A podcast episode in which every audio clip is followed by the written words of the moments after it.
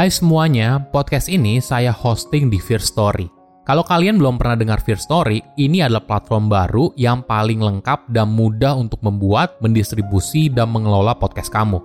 Nah, jadi Fear Story itu bisa kamu gunakan 100% gratis. Kamu bisa mengupload episode terjadwal dan mendistribusikan podcast kamu di semua platform podcast di Indonesia. Fear Story juga menyediakan customer service yang berisikan podcaster berpengalaman kamu bisa share podcast kamu tanpa ribet dengan F-Link yang akan mencakup semua link platform kamu dan sosial medianya. Dengan Fear Story Ads, kamu bisa mengakses monetisasi yang mudah dan beneran bisa kamu cairin tanpa biaya tambahan, gak pakai repot. Jadi tunggu apa lagi? Yuk maksimalkan podcast kamu dengan platform hosting dari Fear Story. Daftar sekarang di fearstory.me dan buat podcastmu jadi kenyataan.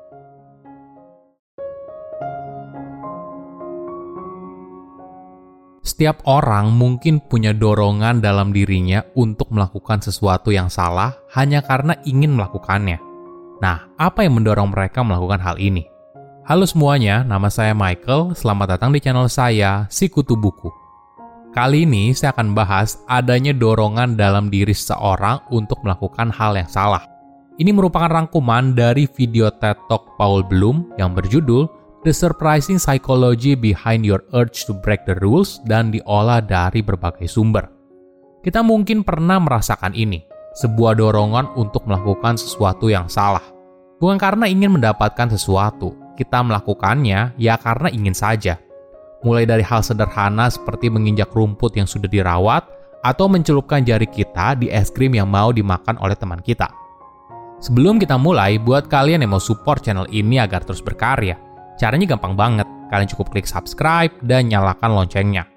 Dukungan kalian membantu banget supaya kita bisa rutin posting dan bersama-sama belajar di channel ini. Paul merupakan seorang psikolog dan dirinya tertarik soal adanya dorongan dalam diri seorang untuk melanggar aturan atau berbuat salah. Jadi dirinya memulai The Perversity Project, di mana dia mengajak orang-orang untuk mengirimkannya sebuah cerita soal kegiatan jahat yang telah atau belum dilakukan. Ada sebuah cerita yang bilang kalau si cewek menggoda pacar orang lain padahal dia tahu kalau cowok itu juga punya perasaan. Si cewek tahu kalau dirinya bisa dapetin cowok itu kalau dia mau, tapi dia tidak mau melakukannya. Si cewek hanya ingin pacar si cowok merasa tidak nyaman ketika mereka bertiga ada di ruangan yang sama. Tentunya membuat orang lain merasa sakit itu salah, tapi itu yang dilakukan si cewek. Kadang dorongan ini juga bisa menyakiti diri sendiri. Ada cerita lain dari seorang anak muda yang bilang kalau dirinya bermain ice skating di danau, tapi di depannya ada bagian yang tidak membeku. Alih-alih menghindar, dirinya malah menceburkan dirinya di sana. Para psikolog sudah lama tertarik pada aksi jahat, kasar, dan disruptif semacam ini. Mereka ingin tahu orang tipe apa yang melakukan hal ini. Mungkin penggambaran yang paling cocok adalah ketika Alfred, seorang kepala pelayan Batman, mendeskripsikan karakter Joker. Beberapa orang tidak bisa dibeli, diintimidasi, punya nalar yang benar, atau diajak negosiasi. Tapi beberapa orang hanya ingin melihat dunia hancur. Psikolog juga sudah memikirkan skala soal keinginan seorang untuk kekacauan dengan memberikan banyak pertanyaan. Lalu melihat berapa banyak yang disetujui oleh responden Nah, hal ini akan memberitahu kamu seberapa ingin orang tersebut untuk melihat dunia kacau. Misalnya pertanyaan ini, saya ingin adanya kekacauan dalam hidup. Kalau tidak, hidup akan terasa sangat membosankan. Atau, kadang saya hanya ingin menghancurkan sesuatu yang cantik. Tapi tidak semua dorongan ini punya sifat merusak yang tinggi. Ada juga yang lebih tidak berbahaya. Seorang laki-laki mengirimkan ceritanya kepada Paul, Ketika dirinya berusia 20-an tahun, dia sedang pergi dengan temannya. Saat itu, temannya ingin beli es krim. Nah, sesaat sebelum temannya makan es krim tersebut, dia lalu mencelupkan jarinya ke dalam es krim itu. Tentunya ini terdengar sebagai lelucon. Tapi tentunya ini bukan hal yang benar ketika ada seorang yang mencelupkan jarinya ke es krim milik kamu kan?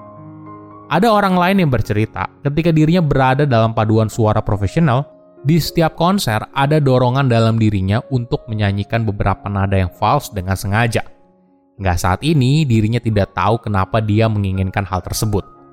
Ada lagi yang bercerita kalau dirinya kadang ingin berjalan di atas rumput, padahal ada jalan di sampingnya.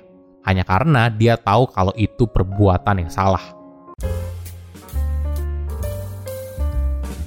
Tentunya banyak perbuatan yang merusak ini membuat dunia menjadi lebih buruk. Kamu tidak ingin kan misalnya pengemudi driver online kamu punya nilai yang tinggi dalam skala keinginan untuk kekacauan. Dan kamu juga tidak mau kalau teman atau rekan kerja kamu merupakan tipe orang tersebut. Tapi kadang dorongan ini bisa membuat seorang jadi cerdas dan kreatif. Ada contoh menarik dari dunia seni. Pada tahun 1917, ada sebuah pameran ilustrasi seni di New York. Kuratornya bilang kalau mereka menerima karya apa saja yang dikirim. Lalu ada seorang seniman bernama Marcel Duchamp mengirimkan tempat kencing. Lalu mendeskripsikan itu sebagai air mancur kuratornya menolak dengan alasan mereka hanya menerima karya seni. Marcel lalu bersikeras kalau itu adalah karya seni. Dan kontroversi ini ternyata menjadi salah satu momen penting dalam sejarah seni modern. Cerita lain dari seorang seniman jalanan bernama Banksy. Suatu hari dirinya menjual sebuah lukisan yang bernama Girl with Balloon pada sebuah acara lelang seni. Ketika lukisannya terjual, mesin di bingkai lukisan itu lalu memarut lukisannya hingga setengah dan mengagetkan para pengunjung. Tapi aksi ini justru banyak mendapat publikasi di mana-mana. Di kemudian hari, Banksy lalu mengutip seorang anarkis Rusia yang berkata, dorongan untuk merusak juga merupakan sebuah dorongan kreatif. Contoh lain yang menarik adalah komedi. Jika kamu pernah menonton slapstick komedi, kamu pasti merasa lucu ketika karakter dalam komedi itu melakukan tindakan yang irasional atau salah. Orang yang irasional juga lebih kuat daripada orang yang rasional. Ada dua alasan. Pertama, ancaman mereka terlihat begitu meyakinkan. Misalnya, kau bertemu orang yang rasional, ketika orang itu mengancam, maka kemungkinan besar itu hanya gertakan belaka. Tapi ketika kamu bertemu orang yang irasional, ancaman mereka terasa begitu nyata. Karena kamu tidak tahu apa yang bisa dilakukan oleh orang tersebut. Kedua, jika kamu mudah diprediksi, maka kamu akan mudah dimanipulasi orang lain karena kamu akan memilih opsi yang rasional. Tapi ketika kamu irasional, maka tindakanmu sulit diprediksi. Dorongan dalam diri untuk berbuat jahat mungkin di banyak kasus dianalogikan sebagai seorang iblis yang ada di dalam diri. Tapi bagi seorang psikolog, Paul mempercayai hal yang berbeda. Setiap orang pasti punya alasan dan motivasi ketika melakukan sesuatu.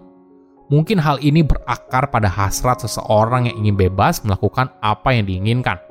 Bebas dari tekanan orang lain dan bebas juga dari segala rasionalitas dan moralitas. Pada tahun 2017, anak muda di internet mengikuti tren kekinian yang berbahaya dikenal sebagai Tide Pod Challenge Tide merupakan produk deterjen produksi PNG yang bentuknya mirip sekali seperti permen. Alih-alih menggunakannya untuk mencuci, mereka malah menggigit, memasak, atau mengunyahnya sebelum memuntahkannya kembali. Aksi ini justru sangat berbahaya dan bisa menyebabkan kematian. PNG lalu menjalankan beberapa iklan untuk mendorong konsumen berhenti mengkonsumsi Tide Pods. Tapi sayangnya hal ini justru jadi bumerang. Salah satu kampanye iklannya menggunakan pemain sepak bola Amerika terkenal bernama Gronk. Jadi iklannya dimulai gini, Hey Gronk, apakah mengkonsumsi pots adalah ide yang baik? Lalu Gronk menjawab, No, no, no. Anehnya, ketika iklan ini ditayangkan, tingkat konsumsi Tide Pods justru meningkat. Apa yang terjadi? Pada dasarnya kita sebagai manusia tidak suka diberitahu orang lain, apalagi jika orang tidak kenal dengan siapa Gronk. Manusia ingin menjadi seorang yang bebas. Psikolog menyebut fenomena ini sebagai reaktansi, sebuah perasaan tidak menyenangkan yang muncul ketika seorang merasakan ancaman atau kehilangan atas perilaku bebasnya. Ide besarnya, ketika ada ancaman soal kebebasan seorang, maka bukan yang mengikuti, orang itu justru malah melakukan hal yang dilarang.